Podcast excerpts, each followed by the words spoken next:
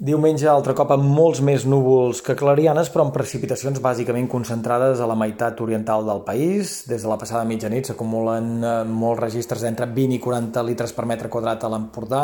quantitats més modestes a la resta de comarques gironines, també a l'entorn del Montseny. Avui la pluja es concentrarà en aquestes comarques de Girona i Barcelona i, en canvi, pot arribar a ploure, però ho farà de forma molt més esporàdica a la resta de Catalunya. I, de fet, fins i tot cap al Pla de Lleida, alguns punts de la Costa Daurada s'obririen algunes tímides clarianes. Tot plegat farà que el contrast de temperatura entre el dia i la nit torni a ser molt reduït, la matinada no ha sigut freda i avui ben poques màximes passaran dels 14 o 15 graus. El vent avui ens ha donat una treva, però a mesura que avanci la tarda s'anirà reforçant, especialment al sud del país, i és que sembla que l'episodi de llevant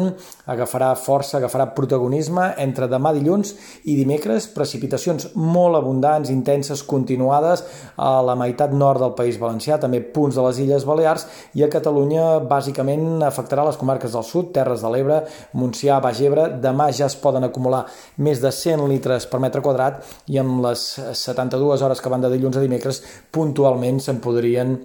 acumular més de 200. El vent també es reforçarà,